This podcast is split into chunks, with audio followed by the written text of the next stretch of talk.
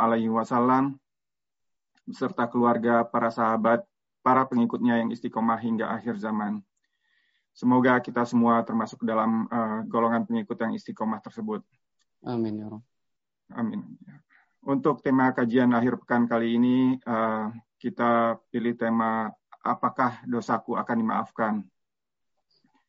Semoga kita dapat uh, mendapatkan ibro atau pelajaran dari kajian kali ini.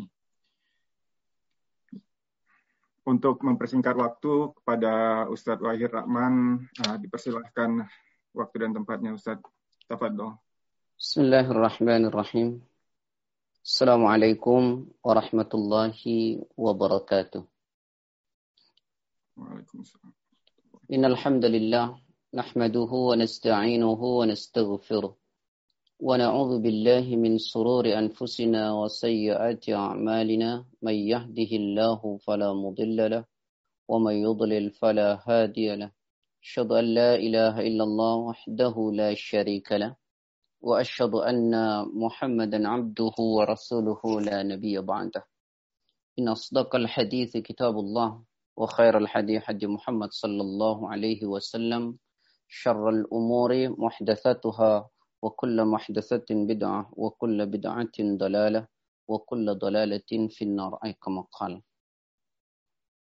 Saudara-saudaraku yang saya cintai karena Allah, Alhamdulillah, puji syukur. Marilah kita panjatkan kepada Allah Azza wa Jal. Sungguh karena nikmat izin serta karunia-Nya pada malam ini di Indonesia. Mungkin di tempat Bapak jam berapa ya Pak? Jam satu kurang Ustaz. Jam, satu, jam satu ya. Semoga ya. apa yang kita lakukan ini bisa mendapatkan rahmat dari Allah Subhanahu wa taala. Amin amin. Salawat dan salam. Taib. Um, videonya Ustaz sepertinya masih belum on Ustaz. Sudah, Pak. Oh. Sudah? Afan Ustaz. Ah, ya. Sekarang sudah terlihat. Taib. Afan Ustaz, sorry. Salawat dan salam senantiasa tercurah pada Rasulullah SAW, pada keluarganya, sahabat-sahabatnya, pengikut-pengikutnya, dan tentu kita semua yang mengikutinya Semoga Allah memberikan kita kekuatan untuk senantiasa konsisten uh, mengikuti sunnah-sunnahnya dan berusaha sekuat tenaga untuk tidak menyelisihinya. Ikhwani wa ikhwati fillah, uh, hari ini kita akan bicara tentang apakah dosaku masih bisa dimaafkan. Al-insanu mahallul khata'i wan nisyan. Manusia itu tempatnya salah dan tempatnya berdosa. Maka manusia yang baik itu, saudaraku, bukan manusia yang tidak pernah berbuat salah. Tetapi manusia baik adalah manusia yang sadar kalau dia pernah berbuat salah. Saya ulangi, manusia yang baik bukanlah manusia yang tidak pernah berbuat salah. Karena itu tidak ada. Tetapi manusia baik adalah manusia yang sadar kalau dia pernah berbuat salah. Jangankan saya dan kita semua yang hadir di tempat ini. Bahkan dikisahkan dalam Quran, Nabi Adam pun pernah membuat satu kesalahan. Allah Ta'ala berfirman pada surah Al-Baqarah ayat ke-35. وقلنا يا آدم اسكن أنت وزوجك الجنة وكلا منها رغدا حيث شئتما ولا تقربا هذه الشجرة فتكونا من الظالمين Dan kami berfirman, wahai Adam, tinggallah engkau dan istrimu di dalam surga ini. Dan makanlah apa yang ada dalam surga ini sesukamu dengan nikmat. Tapi Jangan kau dekati pohon ini, nanti kalian berdua termasuk orang-orang yang pendosa. Begitu Al-Quran menjelaskan. Lalu apakah kemudian Nabi Adam tergelincir? Ya. Dari mana tergelincirnya Nabi Adam? Dijelaskan oleh Allah di dalam Al-Quran pada surat Toha surat 20 ayat yang ke 120. Fawaswasa ilaihi syaitan qala ya Adam hal adulluka ala syajaratil khuldi wa mulkin la yabla. Apa kata Allah dalam ayat ini? Kemudian setan memberikan bisikan jahat kepada Nabi Adam. Apa bisikannya? Qala ya Adam, wahai Adam, hal adulluka ala syajaratil khuldi? Maukah engkau kutunjukkan pohon keabadian? Wa mulkin la yabla dan kerajaan yang kekal. Nah di sinilah kemudian Nabi Adam saja bisa keliru. Nabi Adam saja bisa salah. Tetapi kemudian apakah Nabi Adam berdiam dengan dosanya? Beliau menyesali dosanya. Dan beliau menangis. Rabbana anfusana wa illam taghfir lana wa tarhamna lanakunanna minal khasirin. Rabbana ya Allah harapkan. Zalamna, sungguh kami telah berbuat zalim kepada diri kami sendiri. Kami telah berbuat dosa. Wa illam taghfir lana, sekiranya engkau tak memaafkan kami ya Allah, lanakunanna minal khasirin. Niscaya kami akan termasuk orang-orang yang merugi. Begitulah Nabi Adam. Pernah melakukan kesalahan, lalu datang kepada Allah menyesali akan kekeliruannya. Bahkan Nabi Yunus pun pernah menyesali akan kesalahannya. Jadi orang yang baik bukan orang yang tidak pernah berbuat salah. Tapi orang yang sadar kalau dia pernah berbuat salah. Bagaimana Nabi Yunus dalam kegelapan ikan zal beliau menyesali apa yang telah beliau lakukan. La ilaha illa anta. Subhanaka inni kuntu minal zalimin. La ilaha illa anta tidak ada ilah kecuali engkau. Ya. Subhanaka maha suci engkau. Inni kuntu minadh zalimin. Sesungguhnya aku termasuk orang-orang yang zalim. Aku termasuk bagian daripada orang yang zalim. Jadi sekali lagi saudaraku, orang baik bukan orang yang tidak pernah berbuat salah. Bukan orang yang tidak pernah berbuat dosa. Tapi orang yang sadar akan kesalahannya, orang yang sadar akan dosanya, lalu datang kepada Allah, mendekat kepada Allah, memohon ampun kepadanya. Saudara-saudaraku, yang semoga senantiasa dirahmati oleh Allah. Pada pembahasan pertama, saya akan membahas sebelum kita sampai pada bagaimana kita menghapus dosa. Yang pertama saya ingin sampaikan adalah sebab-sebab manusia berbuat dosa dulu. Agar kita bisa menghindari dan kita bisa menjaga diri kita. Saudaraku, sebab manusia berbuat dosa itu kata ulama dan Imam Ibn Qayyim menuturkan dalam kitabnya ada dua sebab. Apa itu? Yang pertama adalah pintu subhat. Pintu subhat. Subhat dalam pemikiran. Subhat dalam mengkonsumsi sesuatu. Ini yang kemudian mendatangkan dosa. Ikhwani wa ikhwati fillah. Orang yang senantiasa berada dalam fikiran yang subhat. Dan orang yang mengkonsumsi makanan subhat akan menjadi sangat berat untuk menjalankan perintah Allah dan menjadi sangat mudah dan ringan melakukan apa yang dilarang oleh Allah. Saya ulangi, orang yang terjebak dalam subhat, masuk dalam kepintu subhat, baik dalam pemikiran dan mengkonsumsi makanan, maka akan sangat berat untuk tertarik pada kebenaran. Dan begitu sangat ringan untuk melakukan apa yang dilarang oleh Allah Subhanahu wa taala. Inilah yang pertama saudaraku. Pintu syubhat. Lihat, orang yang tidak mengerti ilmu. Lalu kemudian menjadi ragu. Dengan pemikiran-pemikiran syubhat dan pemahaman-pemahaman syubhat. Inilah celah pertama kenapa orang kemudian melakukan dosa. Dalam mengkonsumsi makanan juga demikian. Setiap kita telan perkara yang syubhat, lalu kemudian kita telan perkara haram, akan menyebabkan dampak dalam hati kita. Yang hati itu kemudian menjadi mati. Dan oleh karena rusaknya hati, maka akan menimbulkan perbuatan-perbuatan yang tidak baik. Sebagaimana Rasul mengatakan, ini banyak sekali ditulis dalam kitab-kitab hadis. Salah satunya ditulis dalam kitab hadis yang sangat kecil, ditulis oleh Imam Nawawi, yaitu hadis Arba'in, nomor ke-6. An Abdullah Nu'man ibn Bashir radhiyallahu anhu sami'tu Rasulullah sallallahu alaihi wasallam yaqul Innal halala bayyinun والحرام بينون وأمور بينهما مشتبهات لا يعلمهن كثيرا من الناس فمن اتقى على الشبهات فقد استبرأ لدينه وعرضه ومن وقع في الشبهات وقع في الحرام كالرائي يرعى حول الحمى يوشك أن يرتع فيه. ألا إن لكل ملك حمى وإن حمى الله محارمها. ألا إن في الجسد مضغة Idza salahat salahal jasadu kullu wa idza fasadat fasadul jasadu kullu ala wahyal qalb. Kata Rasul haram itu jelas, halal pun jelas. Yang ada antar keduanya itu syubhat. Dan siapa yang menjaga dirinya dari perkara syubhat, sungguh dia telah menjaga agama dan kehormatan dirinya. Siapa orang terjebak pada syubhat, maka dia sesungguhnya ya, sudah terjebak kepada haram. Rasulullah umpamakan seperti pengembala yang tidak boleh mengembala di sebuah tempat, tapi dia mengembala di pinggir-pinggirnya. Siapa yang bisa menghalangi binatang masuk? Saya potong di ujung hadis ini dikatakan, tahukah engkau, kata Rasul, bahwa dalam tubuhmu ada segumpal daging.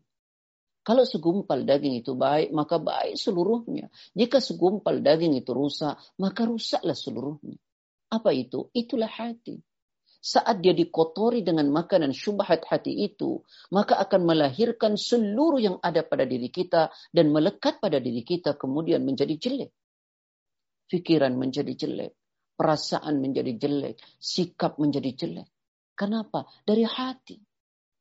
Yang kata Imam Ibn Qayyim, hati ini seperti panglima. Allah Ta'ala mengingatkan kita di dalam Al-Quran pada surat 22 ayat 46 Al-Hajj. Afalam yasiru fil ardi lahum qulubu yaqiluna biha aw adhanu yasma'una biha fa innaha la ta'mal absar walakin ta'mal qulub allati fis sudur. Tidakkah kalian perhatikan? Coba coba lihat. Tidakkah kalian berjalan orang-orang yang berjalan di muka bumi mereka punya akal dengan akalnya berpikir. Mereka punya telinga, dengan telinganya pun mendengar. Sungguh yang buta itu bukan matanya, tapi yang buta adalah hati yang tersimpan di dalam dadanya. Hati yang tersimpan di dalam dadanya. Inilah yang buta. Sehingga apa yang terjadi saudara-saudaraku? Kalau hati sudah buta, maka seluruh kebenaran, tidak akan pernah bisa dilakukan. Tidak akan pernah bisa dilakukan. Nah kembali, inilah perkara syubhat. Hati-hati dengan perkara syubhat. Syubhat dalam pemikiran. Subhat dalam mengkonsumsi makanan. Inilah sebab datangnya dosa itu. Ikhwani wa ikhwati fillah yang dirahmati oleh Allah. Yang kedua, apa yang menyebabkan datangnya dosa adalah syahwat. Kalau syubhat menjadikan orang tidak punya daya tarik terhadap kebaikan, itulah syubhat. Kalau syahwat menjadikan orang menabrak seluruh larangan-larangan. Syahwat syahwat menyebabkan orang akan menabrak seluruh larangan-larangan. Ketika syahwat tidak terkendali, keinginan yang tidak terkendali, maka orang semacam ini tak lagi tak lagi peduli dengan apa yang dilarang oleh Allah. Sekalipun dia tahu ini larangan, tapi karena syahwat yang mendominasi dirinya, maka larangan ini tidak lagi diperdulikan, maka dia akan tabrak larangan ini. أيني لا يا أخوة. أخواني وأخوتي في الله. lihat di dalam Al-Quran pada surat 3 ayat 14 زين للناس حب الشهوات من النساء والبنين والقناطير المقنطرة من الذهب والفضة والخيل المسومة والأنعام والحرث. ذلك متاع الحياة الدنيا. Dijadikan indah pada pandangan manusia setiap apa yang diinginkan oleh syahwatnya. Saudaraku, saat kita menginginkan sesuatu, maka sesuatu itu nampak indah sekali. Lalu kemudian mendorong kita untuk meraihnya. Dan ketika kita ingin meraihnya, kadang-kadang kita tidak peduli. Apakah ini dilarang oleh Allah? Apakah ini diperkenankan atau tidak? Itulah keinginan. Apa itu contohnya? Wanita. Saudaraku, kadang kita tidak mengerti. Keinginan syahwat kita yang terus kita turuti tidak tahu kalau wanita ini haram. Wanita ini bukan mahram. Tapi keinginan yang tidak terkendali. Begitu misalnya pada persoalan-persoalan dunia. Maka dikatakan oleh Quran dari wanita, anak-anak, lalu apalagi harta yang bertumpuk. Saudara-saudaraku, syahwat dorongan keinginan yang tidak terkendali. Padahal juga kita tahu bahwa saat kita didominasi oleh keinginan itu terutama soal dunia, kita semua mengerti muhibbud dunya la yanfaqu min thalas. Bahwa pencinta dunia itu pencinta dunia itu tidak akan pernah lepas dari tiga hal. Apa itu? Hamun lazimun. Kesedihan yang terus menerus kegelisahan yang terus-menerus. Dia gelisah, dia takut hartanya hilang, dia takut hartanya hilang habis. Lalu dia khawatir tidak dapat yang dia inginkan. Hamun lazimun. Yang kedua, wata'bun daimun. Lelah yang tiada henti. Setiap hari, setiap waktu yang difikirkan hanya dunia, dunia, dunia, dunia. Padahal mestinya mindset kita, pikiran kita habis dengan urusan akhirat. Dunia hanya jangan dilupakan saja. Sebagaimana Allah gambarkan dalam Al-Quran pada surat 28 Al-Qasas ayat ke-77. وابتغ فيما آتاك الله دار الآخرة ولا تنس نصيبك من الدنيا وأحسن كما أحسن الله إليك ولا تبغي الفساد إن الله لا يحب المفسدين Carilah oleh kalian kebahagiaan akhirat. Dengan apa yang telah Allah anugerahkan pada kita di dunia. Cari kebahagiaan akhirat. Dan jangan lupakan bagianmu di dunia. Dunia itu hanya jangan dilupakan, saudara. Tapi ketika kita berorientasi hanya dunia, ta'bun daimun, lelah yang tiada henti. Kalau di situ saja masih. Mari kita lihat yang ketiga, apa kata Rasulullah? Wahasratun penyesalan yang tiada tara. Coba renungkan. Sekali kita sakit, saudaraku. Kita baru merasa betapa tidak bergunanya uang itu. Harta yang kita miliki begitu banyak. Saat kita sakit, kita hanya berkata, kalau saya sehat, saya akan berbuat baik. Kalau saya sehat, saya akan ikut kajian. Kalau saya sehat, saya akan salat. Kalau saya sehat, saya akan tahajud. Kalau saya sehat, saya akan puasa sunnah. Itu pun berhenti di kalau. Bayangkan nanti ketika sudah masuk ke dalam kubur. Itu penyesalan yang sungguh berat. Dan sungguh luar biasa. Ternyata apa yang kita kumpulkan dengan lelah, capek. Ternyata tidak ada apa-apanya. Allah ingatkan kita pada Quran surah 18 ayat 46. Al-Kahfi. المال والبنون زينة الحياة الدنيا والباقيات الصالحات خير عند ربك الثواب وخير أملا harta, anak, hanya perhiasan dunia. Amal saleh yang terus menerus.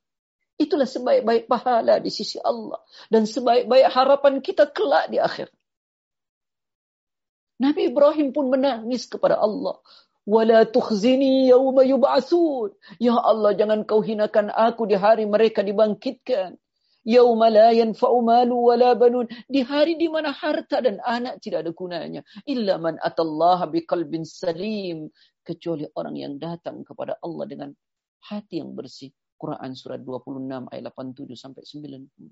Saudara-saudaraku, jadi saya ingin ingatkan kembali. Sebab kita berbuat dosa itu satu karena subhat, yang kedua karena syahwat. Subhat menyebabkan kita tidak punya daya tarik terhadap kebaikan. Sedangkan syahwat menyebabkan kita tidak peduli dengan larangan. Kita mau turuti nafsu kita, syahwat kita, yang menyebabkan kita tuli terhadap kebenaran. Yang menyebabkan kita tidak punya rasa terhadap kebenaran. Yang menyebabkan kita buta terhadap seluruh kebaikan agama. Allah mengingatkan kita pada surat 45 ayat 23. Afara'aita man ittakhadha ilahahu hawa ilmi wa khatama ala sam'ihi wa qalbihi wa ja'ala ala basarihi ghishaw. Tidakkah kalian perhatikan orang-orang yang menjadikan hawa nafsunya sebagai Tuhan? hawa nafsunya yang diikuti, hawa nafsunya yang dituruti, hawa nafsunya yang dicintai. Akan seperti apa? Allah akan biarkan leluasa dalam kesesatan. Allah akan biarkan leluasa dalam kesesatan. Berdasarkan ilmu. Dan Allah akan tutup telinganya. Menjadi tidak berfungsi telinga ini tidak bisa mau mendengar kebenaran. Dan Allah tutup hatinya. Bayangkan. Ketika hati sudah tidak bisa menyerap kebaikan, adin yang benar. Lalu amalan apa yang akan kita bisa lakukan? Karena sesungguhnya saudara-saudaraku, kata Rasulullah SAW, ilmu yang masuk ke dalam hati, fadaka ilmu nafi, itulah ilmu yang bermanfaat, yang kemudian berubah menjadi sikap. Saudara-saudaraku. Lalu kemudian apanya lagi yang ditutup? Matanya pun ditutup. Wajah dan aku jadikan ala basarihi gishawa. Atas penglihatannya dinding. Sehingga tak bisa lagi melihat kebenaran. Nah, inilah sumbernya dosa itu. Syahwat dan syubhat. Syahwat dan subhat. Renungkan ini baik-baik. Baik, naik sedikit saudaraku. Tadi kita sudah sampaikan sebab manusia berbuat dosa. Kemudian yang kedua, sebenarnya akar dosa itu apa? Menurut Imam Ibn Qayyim, akarnya dosa itu hanya tiga. Yang kemudian berkembang menjadi banyak. Apa itu akar dosa? Yang pertama adalah al-kibru. Sombong. Inilah dosa tertua. Dosa tertua. Di mana manusia hanya ada Nabi Adam. Kesombongan sudah muncul.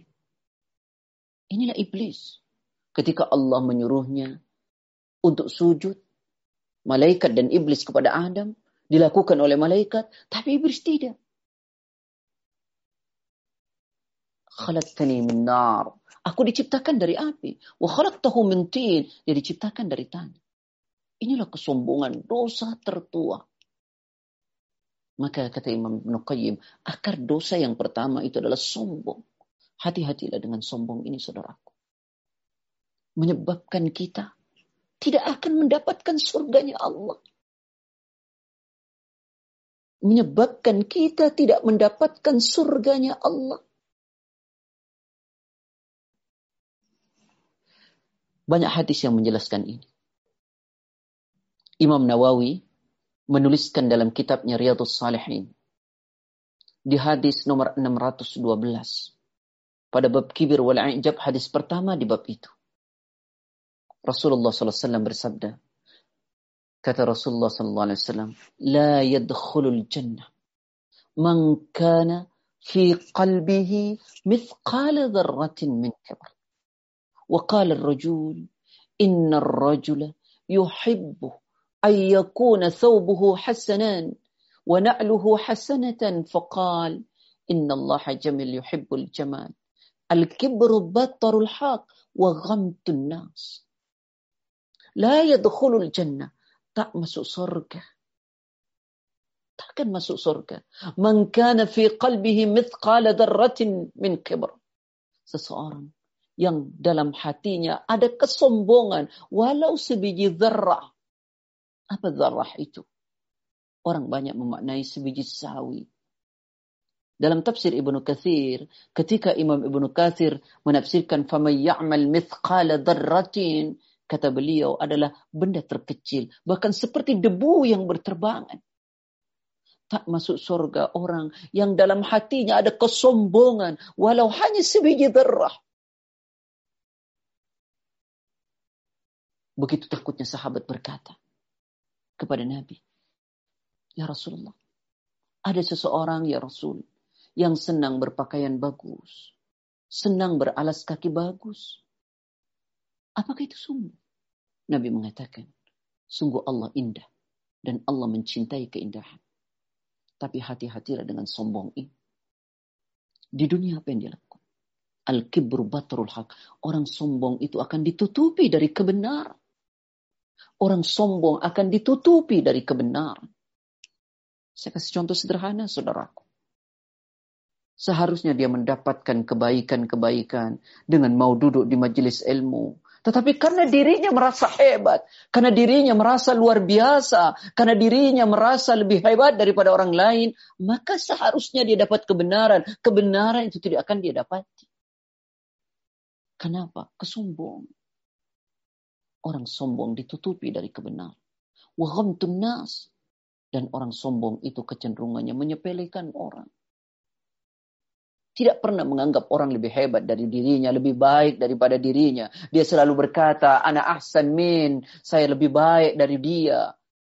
Saya lebih baik dari dia, saya lebih baik, saya lebih baik, saya lebih alim, anak a'lam minhu, saya lebih baik darinya. Terus demikian. Tak ada sifat untuk tawattu. Inilah generasi-generasi iblis. Dan inilah akar pertama dosa itu. Hati-hati. Orang yang sombong. Bahkan dia ketika melihat kebenaran pun ayat-ayat Allah. Dia tidak mungkin mampu mengimani. Quran surat ketujuh ayat 146 sa'asrifu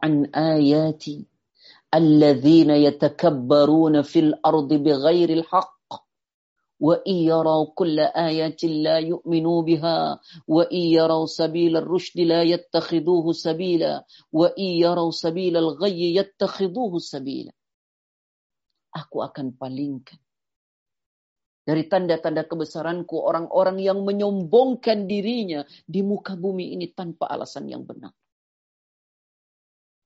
Dan setiap diperlihatkan ayat-ayat Allah, la yu'minu biha. Mereka tidak mengimani.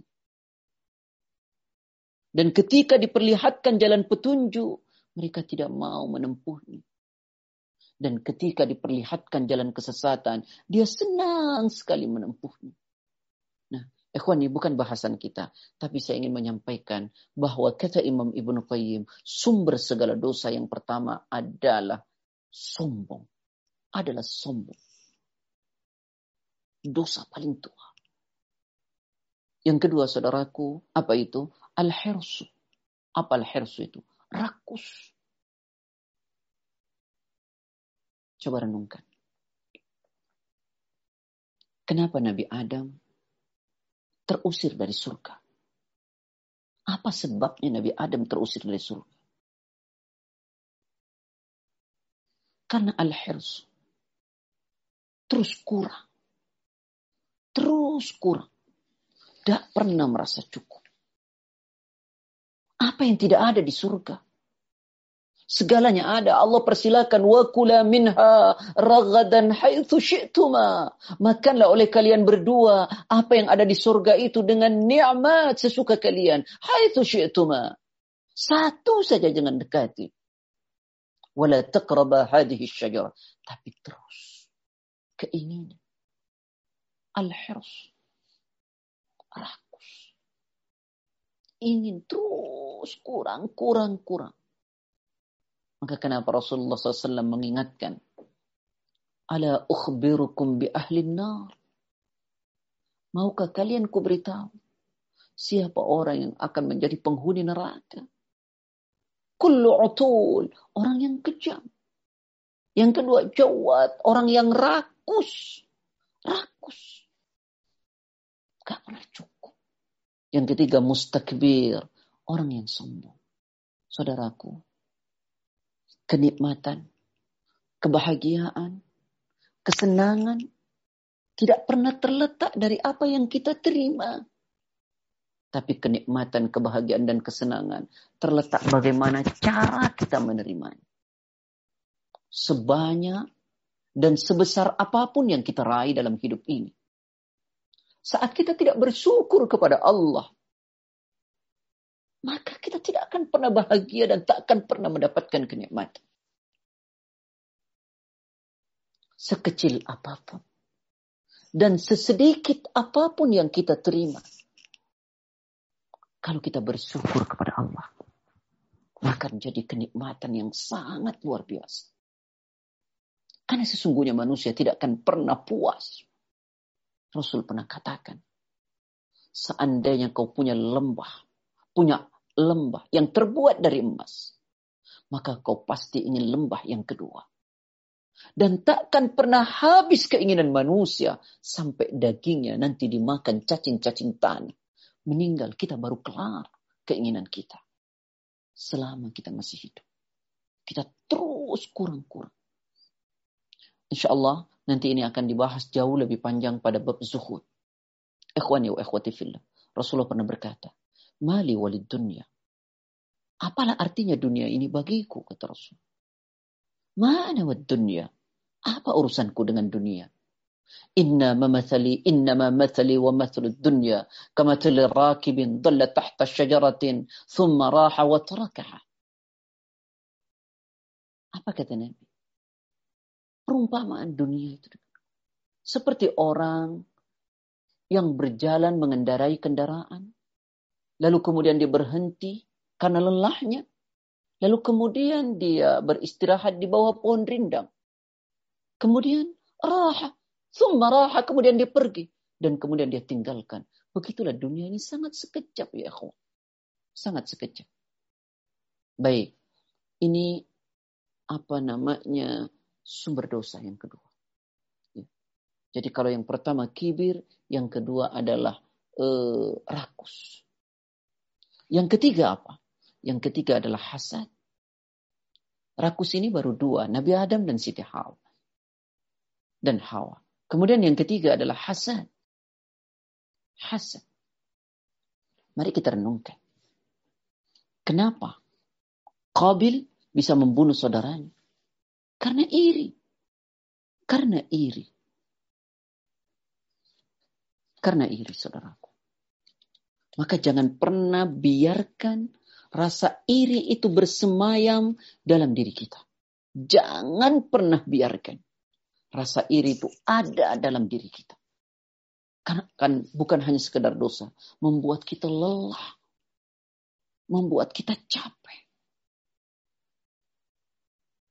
Saudara-saudaraku yang dirahmati oleh Allah. Kata Rasul. Al-hasad. Ya'kul al-hasanat kama ta'kulun nar al-khata. Iri itu akan memakan kebaikan yang kita lakukan. Seperti api memakan kayu bakar. Dan lelah kita dengan iri itu.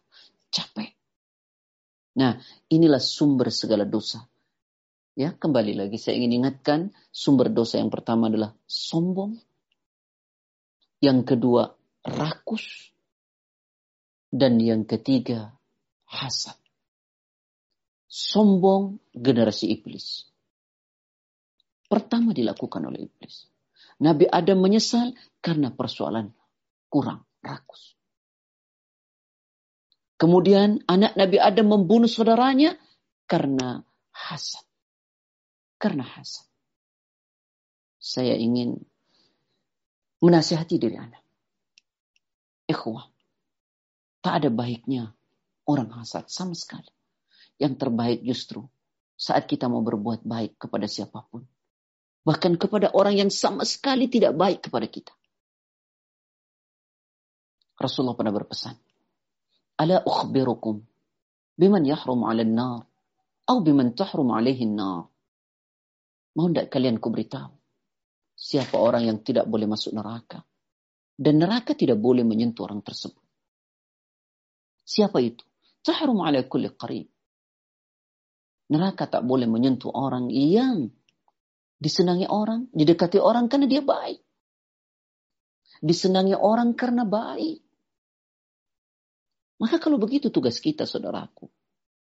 Berbuat baiklah sebanyak-banyaknya. Kepada siapa pun, kapan pun, dan di mana pun. Dan kita tidak usah peduli. Apakah orang itu mau baik atau tidak kepada kita. Maka kenapa Islam ajarkan kita? Kalau ada orang tidak baik sama kita, kita berbuat baik saja kepadanya. Quran surat 25 ayat 63. Wa ibadur rahman yamshuna 'alal ardi hauna wa idza khatabahumul jahiluna qalu salama. Adapun hamba Allah yang maha pengasih itu adalah orang yang berjalan di muka bumi ini dengan rendah hati dan yang kedua, apabila ditegur oleh orang jahil dengan cacian, makian, hinaan, dia jawab dengan salam. Kata yang mengandung keselamatan. Dia tidak ingin membalas kejahatan orang dengan kejahatan. Apalagi dia kemudian iri dengan kebaikan orang dalam hal duniawi. Dia boleh iri hanya dalam dua hal dalam Islam itu. La hasada illa fitnatain. Orang tak boleh iri kecuali dalam dua hal saja. Apa itu? Yang pertama adalah iri terhadap oleh orang yang diberikan oleh Allah ilmu. Orang ini gemar mengamalkan dan mengajarkannya kepada orang lain. Kita iri. Atau orang yang diberikan oleh Allah Al-Quran. Wa yakra'u ana al-layli wa ana an-nahar. Dia gemar membacanya siang dan malam. Yang kedua, kita iri terhadap orang yang dianugerahkan oleh Allah harta. Dia gemar berinfak siang dan malam. Kita baru iri. Dulu kaum Ansar pun iri pada kaum kaum uh, muhajirin pun iri kepada kaum Ansar yang gemar memberikan hartanya. Bukan iri terhadap hartanya, tapi iri terhadap kebaikan dia. Saudaraku, orang tidak baik kita balas dengan kebaikan. ولا تستوي الحسنات ولا السيئات ادفع بالتي هي أحسن فإذا الذي بينك وبينه عداوة كأنه ولي حميم Baik, kembali agar kita tidak terlalu lama. Saudara-saudaraku yang saya cintai karena Allah Subhanahu wa taala. Mari kita teruskan. Jadi, kita sudah bicara sebab manusia berbuat dosa syahwat, subhat. Lalu kemudian akar dosa, kibir, al-hirs, dan hasad. Sekarang mari kita bicarakan bagaimana agar kita jauh dari dosa. Bagaimana agar kita jauh dari dosa dan tidak terus berada dalam kubangan dosa ada nasihat dari Imam Ibn Qayyim Al-Jauzi agar kita jauh dari dosa. Apa yang semestinya melekat pada diri kita. Saudaraku, yang pertama, mari kita renungkan baik-baik. Semoga ini bermanfaat saudara-saudaraku. Agar kita jauh dari dosa, yang pertama, mari kita sadari betapa buruk dan hinanya perbuatan dosa itu. kita harus sabar dari melakukan apa yang dilarang oleh Allah. Para ulama berkata, sabar itu terhadap tiga hal. Ya, salah satunya ditulis oleh seorang ulama dalam kitabnya kalau diterjemahkan 40 karakteristik orang yang dicintai oleh Allah. Syekh Abdul Adim bin Badawi Al-Khalafi. Saudaraku, sabar itu terhadap apa yang diperintahkan oleh Allah. Kita mesti ada kesabaran terhadap apa yang diperintahkan oleh Allah. Kalau kita tidak sabar, kita tidak mungkin bisa melakukan. Banyak sekali yang diperintahkan oleh Allah. Banyak sekali. Kalau kita nggak sabar, kita tidak bisa. Ad-dunya mazra'atul akhir. Dunia ini ladang buat akhir. Kalau kita tidak tanam, tidak sabar menanamnya, Bagaimana kemudian kita akan panen kelak di akhirat? Dan ingat satu hal, tidak ada yang Tidak lelah orang menanam. Tidak ada yang tidak berkeringat orang menanam. Menanam itu lelah, menanam itu berkeringat, capek iya. Tahajud butuh pengorbanan. Sedekah butuh pengorbanan. Datang ke masjid butuh pengorbanan. Baca Al-Quran. Berat iya. Maka kenapa ulama mengatakan kenikmatan tidak akan pernah bisa diraih dengan kenikmatan. Karena kenikmatan hanya akan bisa diraih dengan lelah, susah payah, capek, berkeringat, berkorban. Baik, saudaraku. Yang kedua, sabar itu terhadap larangan Allah. Sabar terhadap larangan Allah. Nah, salah satunya adalah menyadari betapa buruk dan hinanya perbuatan dosa itu. Ayo kita renungkan ini. Agar kita bisa jauh dari dosa, kita renungkan betapa buruknya dan betapa hinanya perbuatan dosa itu. Tidak ada perbuatan dosa yang membawa kita pada kemuliaan. Wallahi tidak ada. Yang membawa kita mulia itu hanya keimanan dan amal saleh. Ilmu, Allah angkat pada derajat yang tinggi. Yarfa'il ladina amanu minkum walladina utul ilma derajat. Allah angkat derajat orang beriman dan berilmu. Keimanan yang membawa kita tinggi. Yang membawa kita mulia. Bukan dosa. Tak ada dosa yang membawa manusia mulia. Ikhwani wa ikhwati fillah. Kalau kita beriman, iya. Allah katakan dalam surat Al-Anfal. Ulaika humul mu'minuna haqqa. Ayat keempat. Mereka itulah orang-orang yang betul-betul beriman.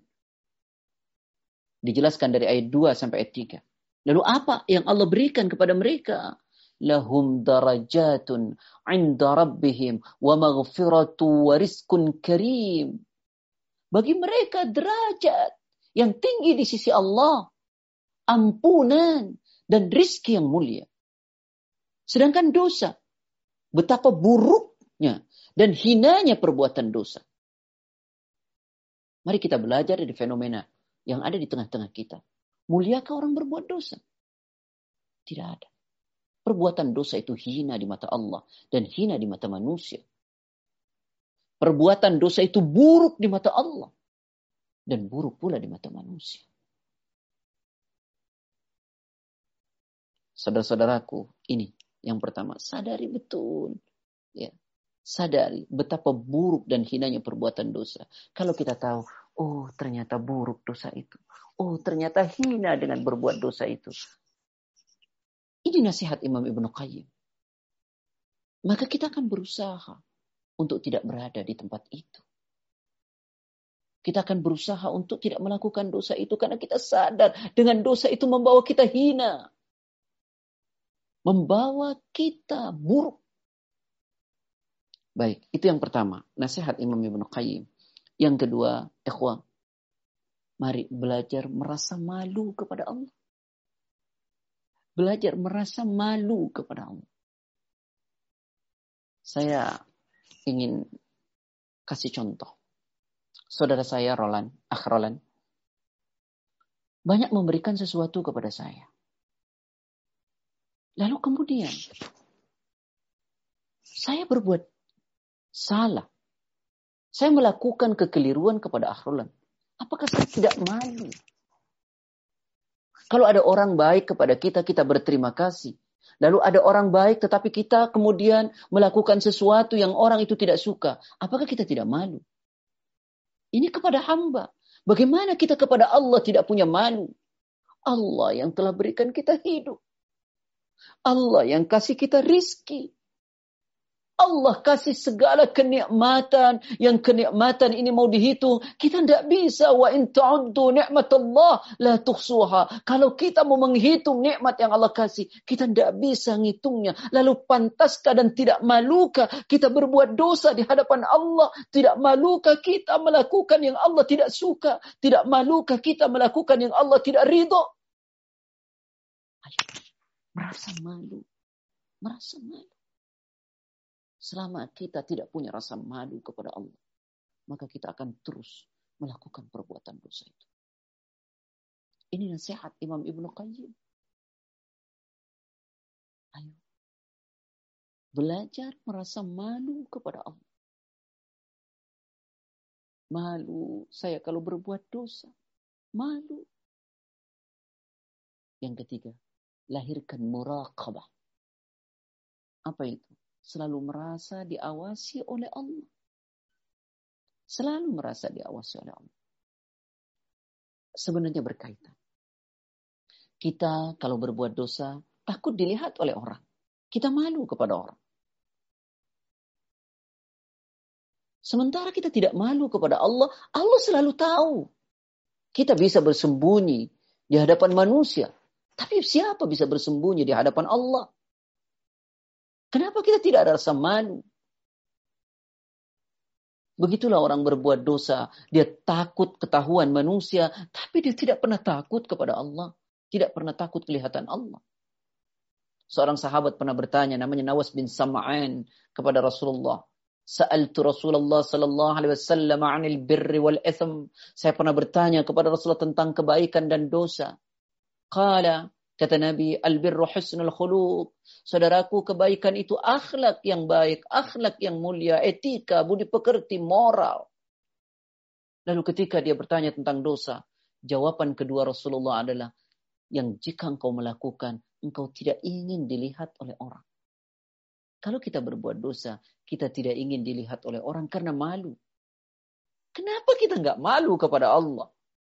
Dan kita harus tahu kalau Allah selalu melihat kita. Lahirkan muraqabah. Kita selalu merasa diawasi oleh Allah. Maka dalam kesendirian, dalam keramaian, ada orang atau tidak ada orang, kita akan terus menjaga diri kita. Tersembunyi atau terimplementasi. Saudara-saudaraku yang saya cintai karena Allah. Makanya saya membaca tulisan Syekh Fauzan. Ya, beliau mengatakan, Hafidhullah, ternyata dosa itu terbagi menjadi dua. Yang pertama adalah dosa bil jawarih yang dilakukan oleh fisik kita. Mungkin kita bisa jauhi. Karena kita masih malu kepada manusia seperti zina, minum khamr, mencuri, dan seterusnya. Tapi saudaraku, ada dosa yang dilakukan oleh hati.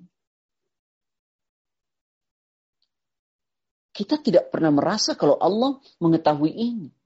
Makanya terus-menerus kita lakukan. Baik, itu nasihat Imam Ibnu Qayyim agar kita bisa bersabar tidak terjerumus pada dosa. Yang pertama sadari betapa buruk dan hinanya perbuatan dosa. Yang kedua, mari bangun rasa malu kepada Allah. Kalau Allah itu maha melihat atas segala perbuatan kita. Kemudian yang ketiga, ini nasihat Imam Ibn Qayyim. Yang ketiga, ayo saudara-saudaraku, agar kita jauh dari dosa. Bangun, bangun pemahaman bahwa kita harus merasa takut atas hukumannya. Kita ini berani berbuat dosa karena seolah-olah tidak ada punishment dari dosa itu. Seolah-olah tidak ada hukuman dari dosa itu. Seolah-olah tidak ada dampak dari dosa itu. Nah ini yang nanti akan saya bahas setelah ini. Ya seolah-olah dosa itu tidak punya dampak. Seolah-olah dosa itu tidak ada hukumannya. Saya ingin beri contoh dari ayat Quran. Betapa hukuman yang Allah berikan atas dosa yang kita lakukan. Saya ingin kasih tiga contoh, tiga contoh dosa. Yang hukumannya Allah beritahu. Renungkan surat Al-Furqan, surat ke-25, ayat ke 68 sampai 69. Walladzina la yad'una ma'allahi ilahan akhar.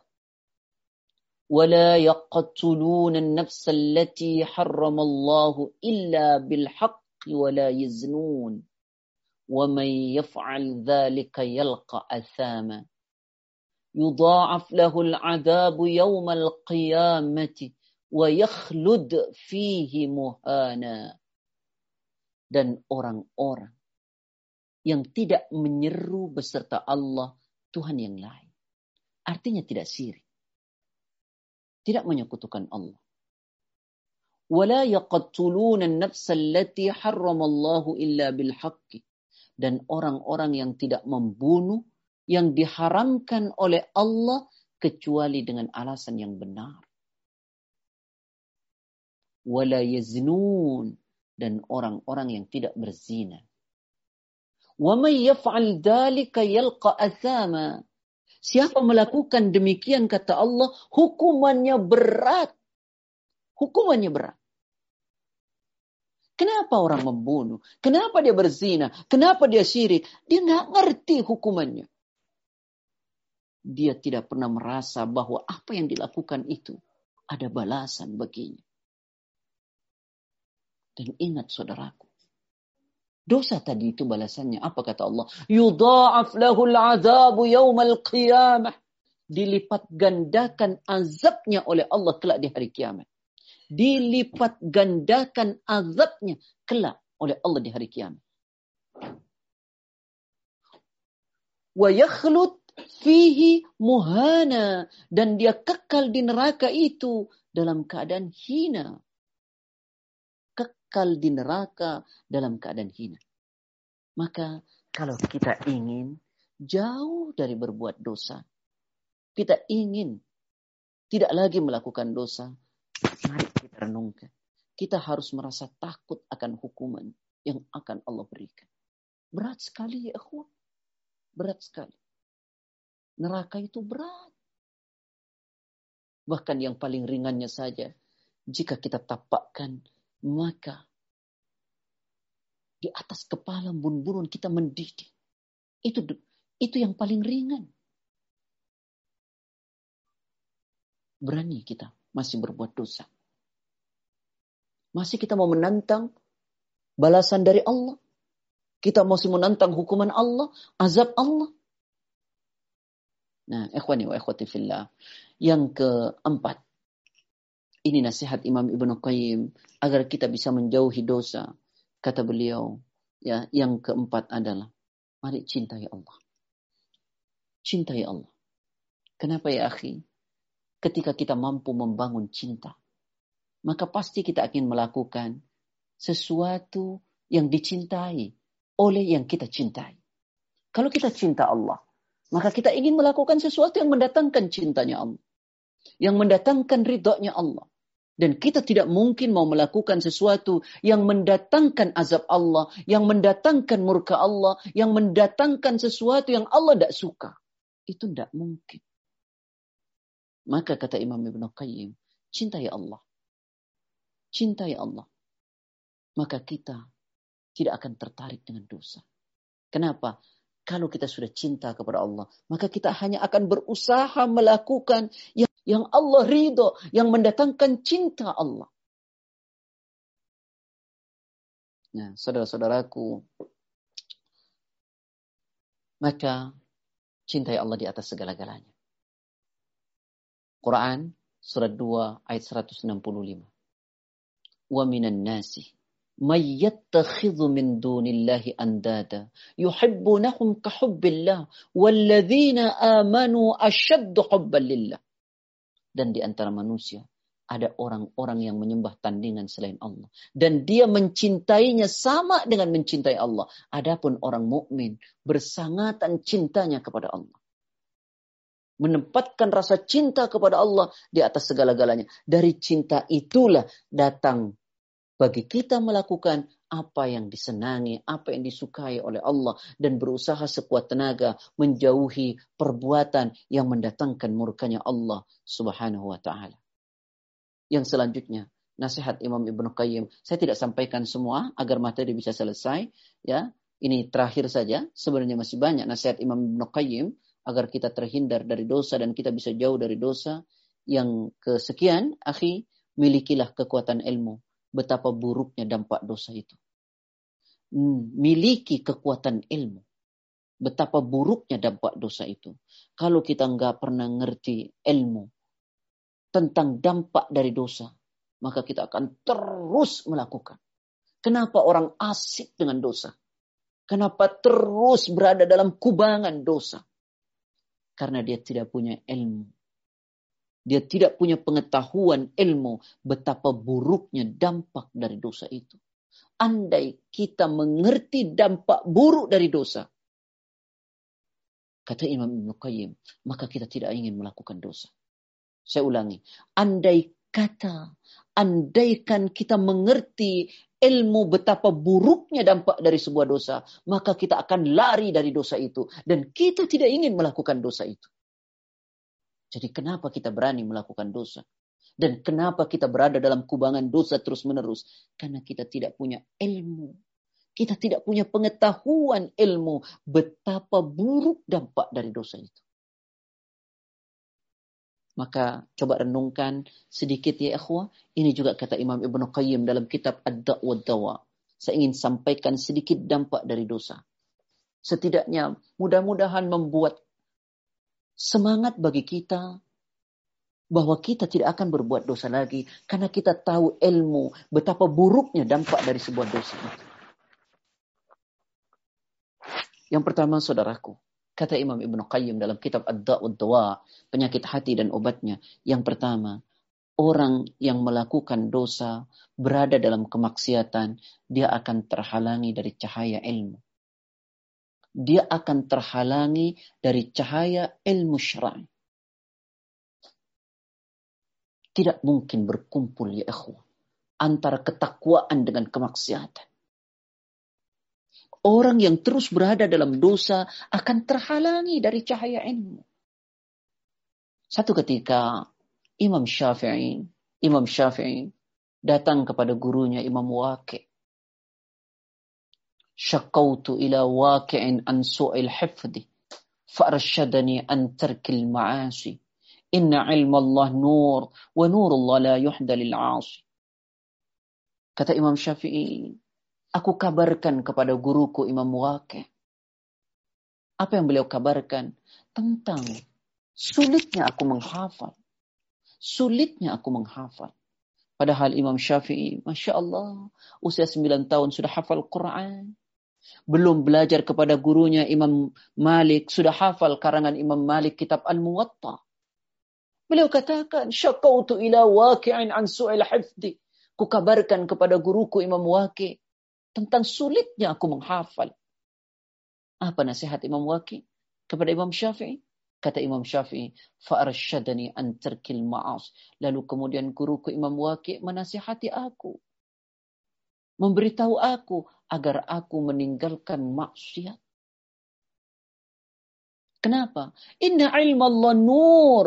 Sesungguhnya ilmu Allah itu cahaya. Dan cahaya Allah tidak diberikan kepada orang yang ahli maksiat. Cahaya Allah. Ilmu Allah itu cahaya. Dan cahaya Allah tidak diberikan para-para pendosa. Tidak mungkin.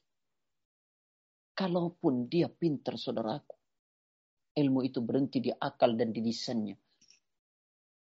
Al-ilmu ilman, ilmu itu terbagi menjadi dua. Yang pertama ilmu fil lisan, ilmu yang berhenti di lisan. Orang cerdas fadaka hujjah.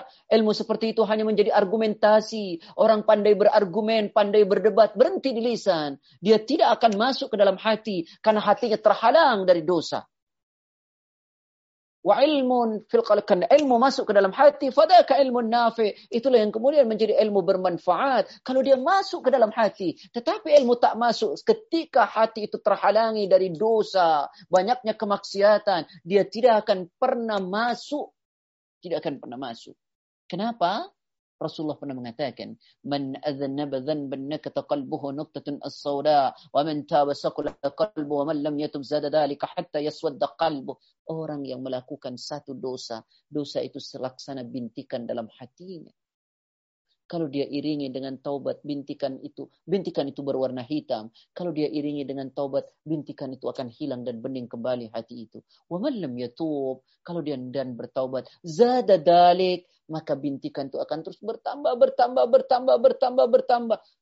Zada dalik hatta yaswaddah qalbu. Kemudian hati menjadi hitam kelam, saudara. Tahu kita kalau hati sudah hitam, tak masuk kebenaran. Bahkan dikatakan kelkuzi mujakhir. Hat, kalau hati sudah hitam, dia seperti gayung terbalik. Gayung itu bermanfaat menciduk air dan menampung air. Tapi kalau terbalik, tak berfungsi untuk menciduk dan tak berfungsi menampung air. Begitulah hati kalau sudah hitam. Dia seperti gayung terbalik. Dia tidak bisa menampung kebenaran. Tidak bisa.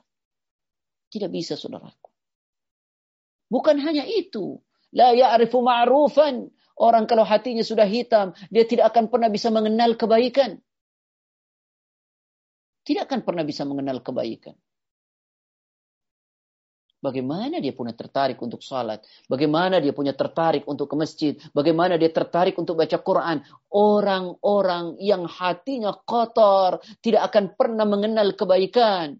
Wala yungkir mungkaran. Yang ketiga dan tidak akan pernah bisa menolak kemungkaran.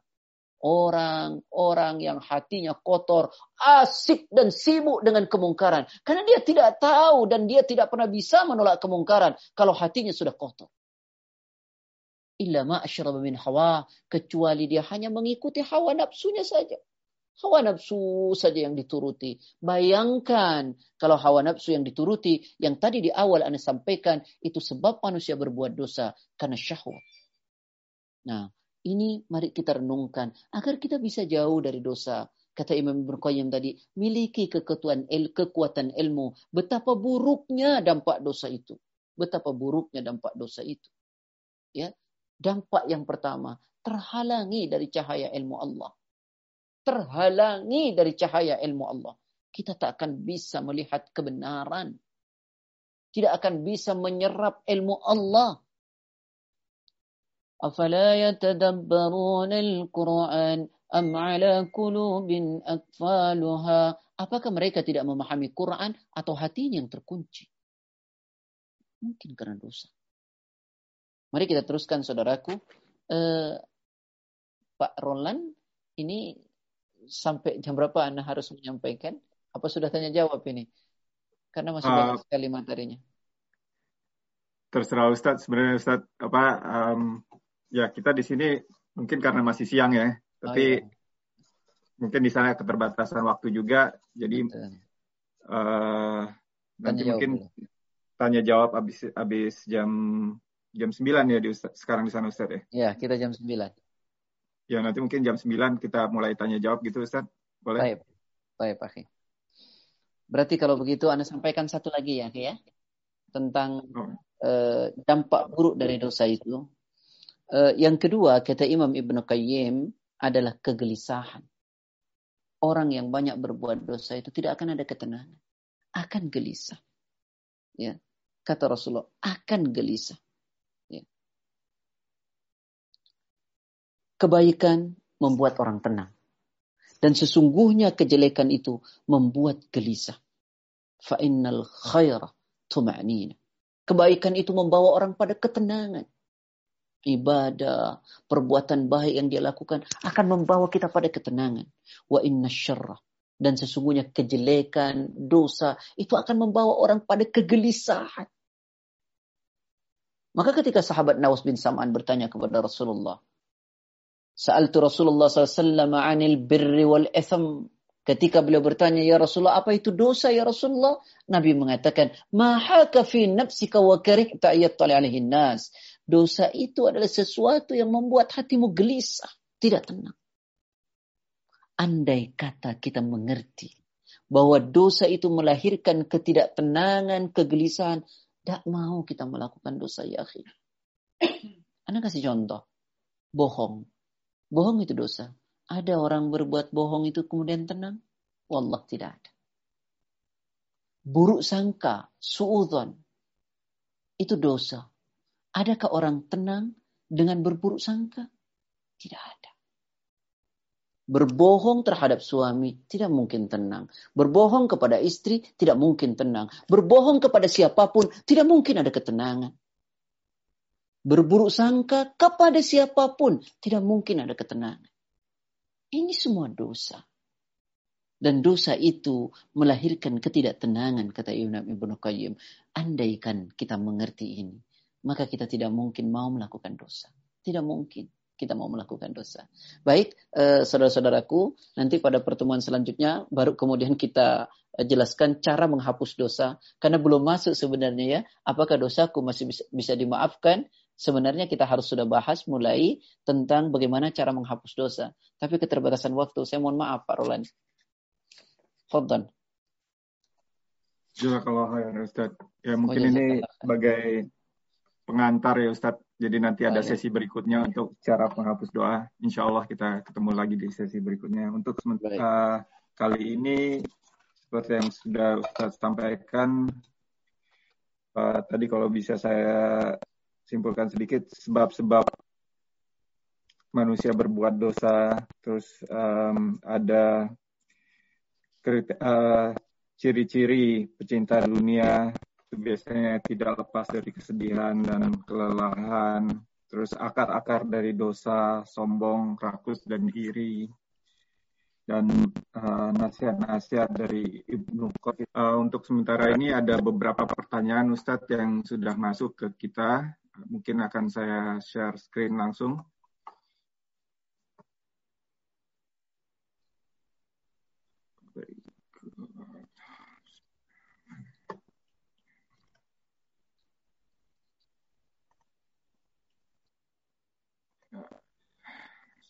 screen.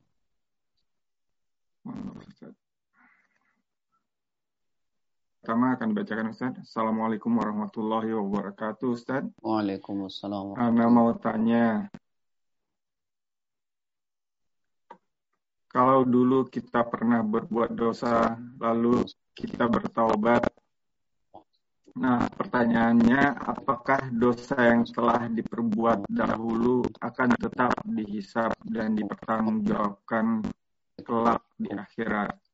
Syukran, jazakallah.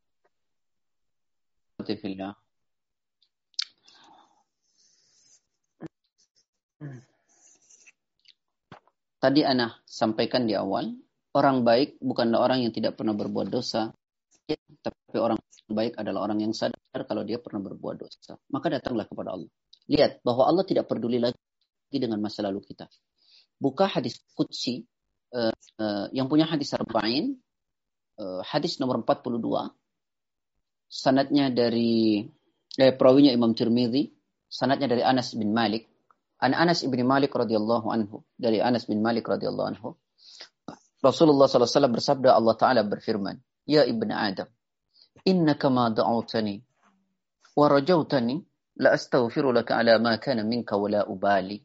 Ya ibn Adam, لو بلغت ذنوبك عنان السماء ثم استغفرتني غفرت لك ولا أبالي يا ابن آدم لو أتيتني بقراب الأرض الخطايا ثم لاقيتني لا تشرك بي شيئا لأتيتك biqurabiha maghfiratan. Rawahu Tirmidzi hadis hasanun sahih. Allah Ta'ala berfirman, Wahai anak Adam, wahai manusia, selama engkau masih berharap kepadaku, dan selama engkau masih meminta kepadaku, apa kata Allah? Ku ampuni dosa-dosamu, dan aku tidak peduli lagi. Dan aku tidak peduli lagi. Wahai anak Adam, Seandainya dosamu membumbung setinggi langit, lalu engkau memohon ampun, maka ku ampuni dan aku tidak peduli lagi. Wahai anak Adam, seandainya kau datang kepadaku membawa dosa seisi bumi, lalu engkau datang menemuiku dalam keadaan tidak menyekutukan aku, la ataituka maghfiratan, maka aku akan datang menemuimu dengan ampunan seisi bumi pula. Hadis riwayat Imam Tirmidzi. Akhi, Allah tidak peduli lagi dengan masa lalu kita. Kalau kita mau datang kepada Allah, memohon kepada Allah, menangis kepada Allah, datanglah kepada Allah. Allah Maha Pengampun, Allah Maha Penyayang. Dan jangan pernah putus asa dari kasih sayangnya Allah. Akhi, Allah buka tangannya di malam hari untuk kesalahan kita di siang hari. Allah buka tangannya di siang hari untuk kesalahan kita di malam hari. Malam yugargir selama nyawa kita tidak ditenggorokan, Allah ampuni. Selama matahari belum terbit dari barat, Allah akan ampuni. Ada satu pintu yang pintu itu membutuhkan perjalanan 70 tahun dengan berkuda sangat kencang. Dan pintu itu tidak pernah ditutup sampai matahari terbit, tenggel, terbit dari barat. Pintu apakah itu? Pintu taubat. Dosa kita banyak, tapi ampunan Allah jauh lebih banyak. Jauh lebih banyak. Saudaraku, Allah tidak peduli lagi kalau kita mau datang kepada Allah. Wallahu a'lam. Jazakallah khair Ustaz. Jazakallah khair. Untuk pertanyaan berikutnya.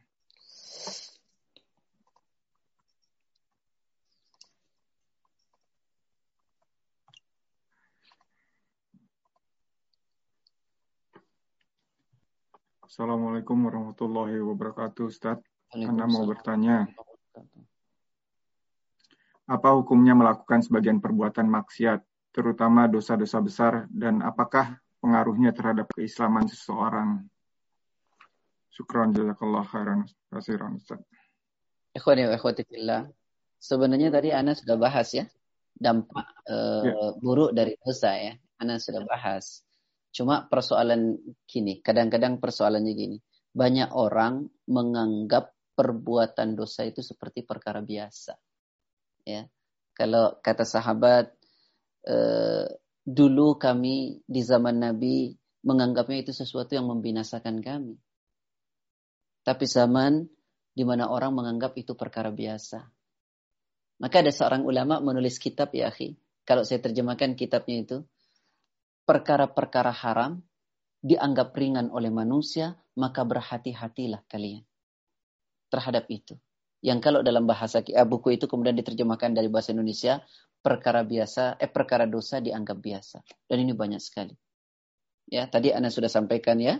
Tetapi kalau antum ingin tahu satu hal, misalnya syirik, perkara dosa syirik ya, ya. Apa? Perkara dosa syirik itu.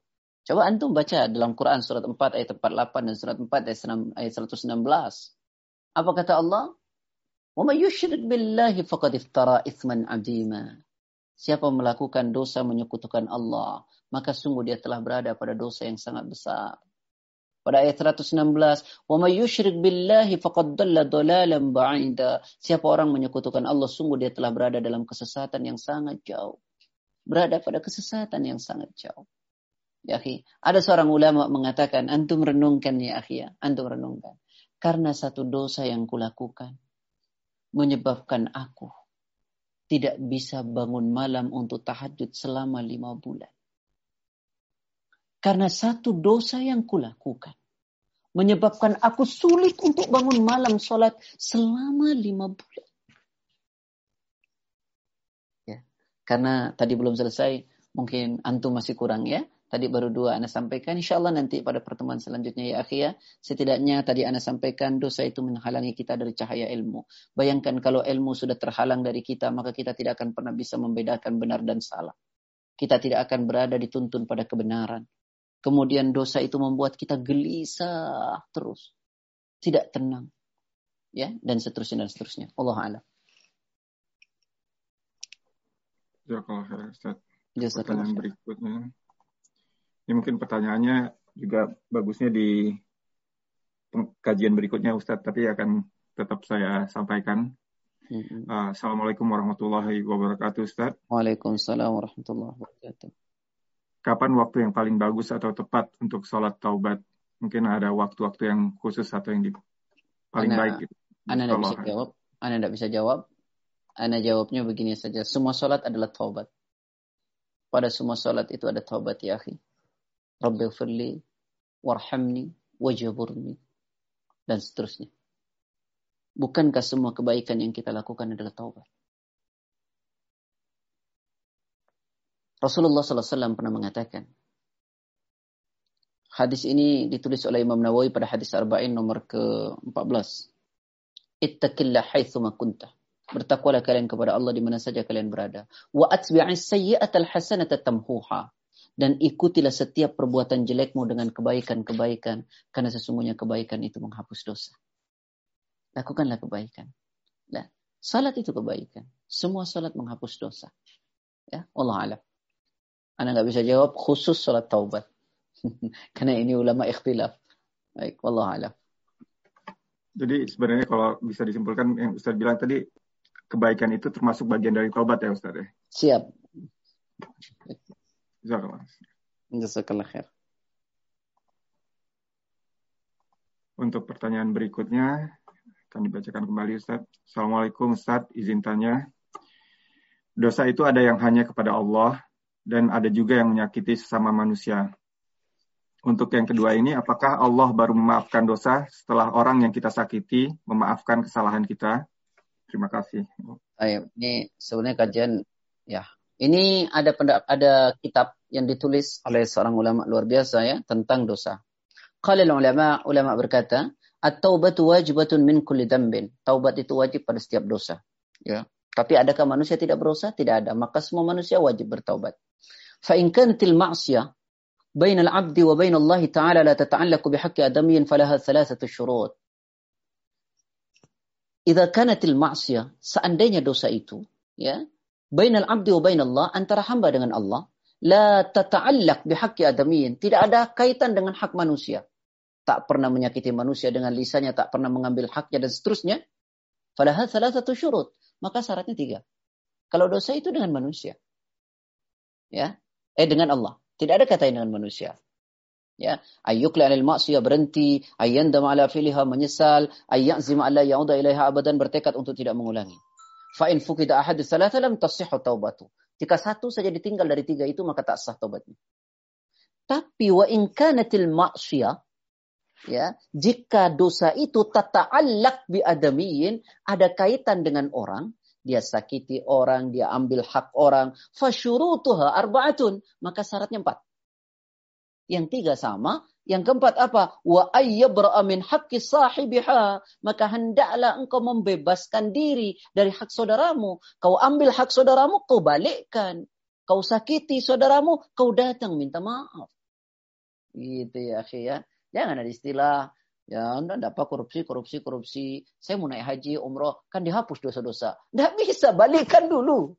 Balikan dulu. Ya, kalau kepada Allah kita datang mohon kepada Allah. Tapi kalau kepada manusia, datang dulu kepada manusia. Gitu ya, ya. Dipahami ya? Insya Allah nanti akan di, lebih dijelaskan pada pertemuan selanjutnya. Allah Baik, Ustaz. Pertanyaan berikutnya. Bismillah, Ustaz apakah berbuat baik dan beribadah kepada Allah Subhanahu wa taala karena alasan takut azab itu akan dianggap tidak ikhlas di dalam mencintai Allah Subhanahu wa taala? Akhi, ikhlas akhi, ikhlas. Justru kita beribadah kepada Allah itu satu karena kita cinta. Ya, ingin mendapat ridhonya. Karena kita takut ingin mendapatkan ridhonya. Kenapa kita melakukan ibadah? Kalau kita tidak ibadah nanti diazab Allah, kita ikhlas. Kenapa saya melakukan ibadah? Karena saya cinta kepada Allah. Ya, jadi saya kasih analogi boleh enggak? Gini, Mas Ralan. Saya punya anak. Anak saya saya bilang, Dek, ayo sholat dek. Nanti kalau kamu sholat dek, nah, gini deh contohnya. Nah, dek, kamu mandi dek. Nanti kalau kamu mandi, Abi kasih uang seribu. Anak saya mandi karena uang seribu. Kita sholat kenapa? Oh mungkin ini untuk dapat pahala. Ini analogi ya. Lalu saya bilang, dek, salah dek. Eh, dek, mandi dek. Nanti kalau nggak mandi, abi pukul. Anak saya mandi karena takut. Dipukul. Ah, kita sholat, takut dapat azab Allah. Yang satu tadi sholat untuk dapat pahala. Dua-duanya benar. Tapi sekali anak saya mandi, bukan karena uang seribu, bukan pula karena takut, tapi kesadaran dirinya. Nah ini pada makom tertinggi, begitu ya. Jadi dia melakukan ibadah karena Allah, ridhonya Allah. Tapi dimulai dari apa? Motivasi pahala. Dan itu syar'i. Kenapa? Rasa takut kepada Allah. Dan itu syar'i. Gak ada masalah. Gitu ya, ya. Iya, itu analogi sederhananya begitulah. Biar kita mudah memahami ya. Jadi ya masa iya sih sholatnya masih takut-takut aja. Ya, tapi itu tidak ada masalah. Karena cinta tidak ada masalah. Ya, datanglah kepada Allah karena kewajiban kita sebagai seorang hamba. Allah alam. Ya kalau khair Ustaz. Jazakallah khair. Masih akhi? Masih ada Ustaz sekitar dua lagi yang uh, topik masih on topik dan satu yang out of topic Ustaz. Kalau boleh masih diteruskan Ustaz. Boleh, boleh. Assalamualaikum Ustaz. Apa saja bacaan amalan doa untuk meminta ampun dari dosa-dosa dan waktu-waktunya kapan saja? Ini mungkin di sesi berikutnya juga ya Ustaz ya. Iya. Tapi iya, tapi ada apa-apa sedikit ya. Saya ingin sampaikan firman Allah dalam Al-Quran wa tubu ilallahi jami' ayuhal mu'minin ayuhal mu'minuna la'allakum tuflihun. Dan bertaubatlah kamu sekalian kepada Allah hai orang-orang yang beriman supaya kamu beruntung. Ya datang bertaubat kepada Allah. Apa saja bacanya? Nabi Adam sudah memberi contoh. Rabbana zalamna Kemudian Nabi Yunus sudah memberi contoh. La ilaha illa anta subhanaka. Nabi Muhammad SAW. Nabi Muhammad itu maksum. Nabi Muhammad itu dijamin surga. Itu ya. Tapi apa kata Nabi? Wallah.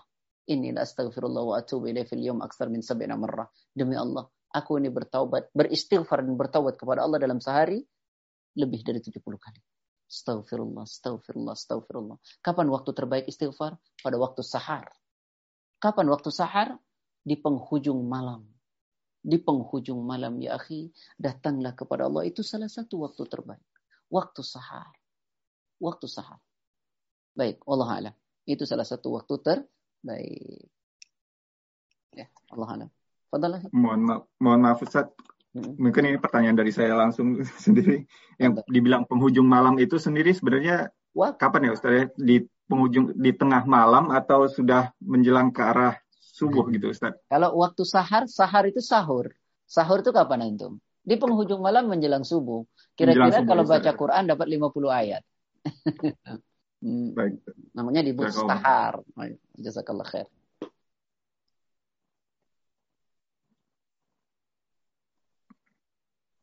Pertanyaan berikutnya yang masih di on topic Ustaz. Dosakah kalau berpuasa karena niat ingin naik jabatan, dapat rezeki, jodoh, dan lain-lain. Astagfirullah. Akhi yang dirahmati oleh Allah. Antum berdoa, antum beribadah kepada Allah, antum melakukan ibadah kepada Allah. Setelah beribadah, antum berdoa kepada Allah. Minta, antum tidak punya jodoh. Allah memberi uh, media untuk sholat tahajud. Antum sholat tahajud, lalu antum minta kepada Allah jodoh. Tidak ada masalah. Allah kasih media, antum sholat tahajud, antum sholat tahajud, lalu antum minta kepada Allah rizki. Enggak ada masalah. Ya. Antum kemudian uh, salat tahajud sebagai media. Antum bilang, ya Allah, berikan saya jabatan yang lebih agar saya bisa mengendalikan teman-teman saya beribadah kepada Allah. Karena selama ini saya jadi anak buah kalau meeting adan terus jalan, ya Allah.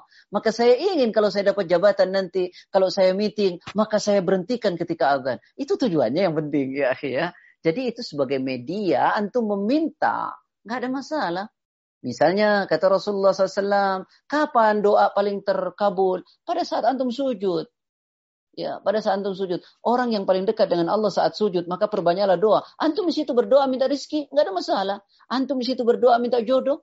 Yang belum punya jodoh, yang sudah punya jodoh pengen lagi, mintalah di situ ya, akhi. Gak ada masalah ya. Bainal adzan wal iqamah, antara adzan dan qomat, antum minta kepada Allah itu waktu yang sangat diijabah. Enggak ada masalah. Ya, minta itu sebagai media. Tapi jangan antum, ah oh, saya sholatnya pokoknya cuma pengen minta rezeki. Jangan, sholat karena Allah. Lalu di dalam sholat itu ada waktu yang diijabah. Begitu. Ya, Allah alam. Kalau ya Ustaz. Ini ada pertanyaan satu lagi yang masuk last minute nih Ustaz. Mohon maaf. Baik.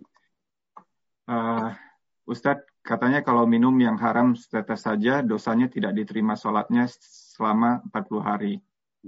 Lalu baga apabila berzina bagaimana? Bisa langsung, apakah bisa langsung sholat dan diterima? Masya Allah ya. Semoga Allah memberkahi kita semua. Dan semoga Allah membimbing kita pada jalan kebenaran. Akhi, dosa syirik. Dosa membunuh dosa berzina. Datang kepada Allah. Apa kalau tidak maafkan? Allah maafkan. Anda bacakan Quran. Surat 25 ayat 68 sampai 70. Yang tadi Anda sudah baca di awal. Walladzina la yad'una ma'allahi ilahan akhar. Dan orang-orang yang tidak menyeru beserta Allah Tuhan yang lain. Wala yaqtulun nafsa allati harramallahu illa bil Dan orang-orang yang tidak membunuh yang diharamkan oleh Allah kecuali dengan alasan yang benar. Wala yaznun dan orang-orang yang tidak berzina. Wa may yaf'al dzalika yalqa athama. Siapa melakukan demikian hukumannya berat. Yudha'af lahul adabu yaumal qiyamati wa yakhlud fiha muhana. Dilipat gandakan azabnya di hari kiamat dan mereka kekal di neraka dalam keadaan hina illa man taba kecuali dia bertaubat wa amana beriman wa amila amalan salihah lalu kemudian beramal saleh maka diganti oleh Allah semua kejelekannya dengan kebaikan. Antum sadar antum telah berbuat dosa, menangislah kepada Allah, memohonlah kepada Allah, meminta kepada Allah sesali, bertekad untuk tidak mengulangi. Terus lakukan ya ikhwah. Terus lakukan. Allah itu maha pengampun lagi maha penyayang. Datanglah kepada Allah. قل يا عبادي الذين أسرفوا على أنفسهم لا تقنطوا من رحمة الله إن الله يغفر الذنوب جميعا إنه هو الغفور الرحيم Quran surah 39 ayat 53 Katakanlah wahai hamba-hambaku yang melampaui batas terhadap diri mereka sendiri, janganlah kalian putus asa dari kasih sayang Allah. Sungguh Allah mengampuni dosa-dosa semuanya. Sungguh Dia Allah Maha Pengampun lagi Maha Penyayang. Jangan putus asa. Dia Allah Maha Pengampun lagi Maha Penyayang. Allah mengampuni seluruh dosa. Quran surat 39 ayat 53. Ya akhirnya, antum tahu bahwa datang ke tukang tenung, sholat tidak diterima selama 40 hari 40 malam. Maka antum sadar, antum datanglah kepada Allah, memohonlah pun kepada Allah. Allah alam. Jazakallah khair Ustaz. Jazakallah khair. Untuk pertanyaan yang terakhir nih Ustaz, ini uh, out of topic sebenarnya Ustaz. Mm -hmm. maaf, tapi akan saya bacakan kalau Ustaz berkenan. Bank syariah yang ada di Indonesia menurut hasil penelitian dan salah satu ustadz yang saya ketahui mengatakan masih seperti sama seperti konsep bank konvensional dengan konsep bunga atau riba. Apakah bila saya menggunakan bank syariah tersebut tetap berdosa? Oke, okay. saya tidak tahu. Saya bukan perbankan, saya tidak pernah tahu caranya bank, tapi saya ingin katakan sekarang ya akhi, antum di bagaimana antum mau titipkan uang, ya titipkan uang antum, yang paling aman antum titipkan ke bank syariah. Nah, di sana ada pilihan titipan yang tidak ada bunganya. Karena ini yang paling ringan. Kita tidak mungkin antum punya uang taruh di rumah. Di mana antum mau simpan? Lalu kemudian antum mau tabung? Tidak, jangan. Antum titipkan saja di bank syariah yang di sana akadnya tidak ada ambil keuntungan, tidak ada ambil ribanya, antum titipan. Itu yang paling aman ya, akhwah. Ya, itu yang paling aman. Karena kalau antum taruh di rumah nggak ada, oh betul mungkin tidak 100% syariah. Tetapi setidaknya sudah mulai ada pilihan. Ya, dari yang konvensional ke syariah dan di syariah antum titipkan saja. Antum titipkan karena di sana ada penitipan uang begitu ya. Kalau bahasa teman-teman itu saya titip bok aja lah, saya taruh uangnya di sana. Eh, tidak perlu macam-macam. Kalau saya butuh saya ambil, kalau tidak butuh taruh di sana, taruh di rumah tidak mungkin. Antum nanti cemas. Dengan uang antum hamun lazimun. Antum sedih berkepanjangan, takut hilang uang antum. Ya, Allahu alam. Karena nggak mungkin hampir sekarang tidak pakai perbankan ya, akhi. Anda mau tanya, antum beli mobil Fortuner berapa? 500 juta. Antum bawa pakai karung kah uang itu? Tak mungkin ya, akhi. Tak mungkin dipakai karung. Orang pun bingung, dia tak mau terima palsu atau tidak katanya. Iya kan? Maka harus. Nah, itulah tidak ada pilihan, maka kalau ada dua mudarat, pilihlah yang paling kecil mudaratnya. Ya, untuk sementara seperti itu. Wallahu alam, tapi Anda tidak tahu kerja bank. Wallah. Jazakallah khair Ustaz. Jazakallah Untuk sementara pertanyaan yang masuk ke kami selesai sampai di situ Ustaz. Alhamdulillah. Mungkin untuk sesi kali ini bisa ditutup mohon dipandu Ustaz. Baik, ikhwani wa ikhwati fillah, sebagai penutup untuk menyederhanakan apa yang Anda sampaikan, mari kita pahami sebab manusia berbuat dosa itu ada dua pintunya, yaitu yang pertama adalah pintu syubhat, pemikiran maupun makanan, yang kedua adalah pintu syahwat yang dituruti, inilah yang mendatangkan dosa. Kemudian akar dari sebuah dosa ada tiga, yang pertama adalah sombong, inilah dosa tertua, manusia baru ada satu, sombong sudah muncul dari iblis. Yang kedua adalah al-hirs, yaitu rakus. Manusia baru dua, Nabi Adam dan Nabi dan Siti Hawa. Ini sudah ada rakus. Kemudian yang ketiga adalah hasad. Ketika Nabi Adam, Nabi Hawa dan anak-anaknya ada. Dan karena hasad ini saudara kandung, eh saudaranya bisa membunuh saudara kandungnya, yaitu Qabil. Kemudian beberapa nasihat Imam Ibnu Qayyim agar kita tidak terjerumus dalam dosa. Tadi Anda sampaikan, ya kata Imam Ibnu Qayyim, satu sadarilah betapa buruknya dampak dari sebuah dosa dan betapa hinanya perbuatan dosa itu. Yang kedua, merasa malulah kepada Allah karena Allah telah memberikan segalanya kepada kita dan teruslah merasa diawasi oleh Allah. Yang ketiga, takut akan hukuman-hukuman Allah dengan berbuat dosa. Subhanallah ya akhi, hukumannya berat di akhirat dan akhirat itu panjang. Dunia ini sementara. Lalu kemudian bangun rasa cinta kepada Allah. Ketika kita membangun rasa cinta kepada Allah, maka kita akan hanya melakukan apa yang Allah cinta dan kita akan berusaha melakukan menjauhi apa yang Allah tidak suka. Kenapa orang berbuat dosa? Karena tidak ada cinta di hadapan Allah. Lalu kemudian pahamilah dan bangun ilmu tentang dampak dari sebuah dosa. Dan insya Allah dampak dari sebuah dosa ini, dari sebuah dosa ini akan kita bahas pada pertemuan selanjutnya dan cara kita bagaimana menghapus dosa. Semoga kita bisa ketemu nanti di pertemuan yang akan datang insya Allah. Allahu a'lam. Mohon maaf lahir batin. Benarnya dari Allah, salahnya dari ana. Assalamualaikum warahmatullahi wabarakatuh. Waalaikumsalam warahmatullahi wabarakatuh. Alhamdulillahirrahmanirrahim. Jazakallah ya Ustaz atas sharing waktu dan ilmunya. Semoga kajian kali ini bermanfaat bagi kita semua. Amin. Amin. Amin ya Rabbal Alamin. Uh, dan sebagai penutup kajian kali ini juga mari kita baca uh, keparatul majelis. Subhanaka Allahumma wa bihamdika asyhadu an la ilaha illa anta astaghfiruka wa atubu ilaik. Dari kami uh, panitia dan moderator, mohon maaf jika ada kekurangan dan kesalahan dalam penyelenggaraan kajian kali ini. Insya Allah kita akan ketemu kajian berikutnya dengan Ustadz Wahid Rahman. Barakallahu fikum wabillahi taufik wal hidayah. Wassalamualaikum warahmatullahi wabarakatuh. Waalaikumsalam warahmatullahi wabarakatuh. Waalaikumsalam warahmatullahi wabarakatuh. Jazakumullah khairan. Jazakumullah khairan. Waalaikumsalam. Barakallahu fikum. Jazakumullah khairan.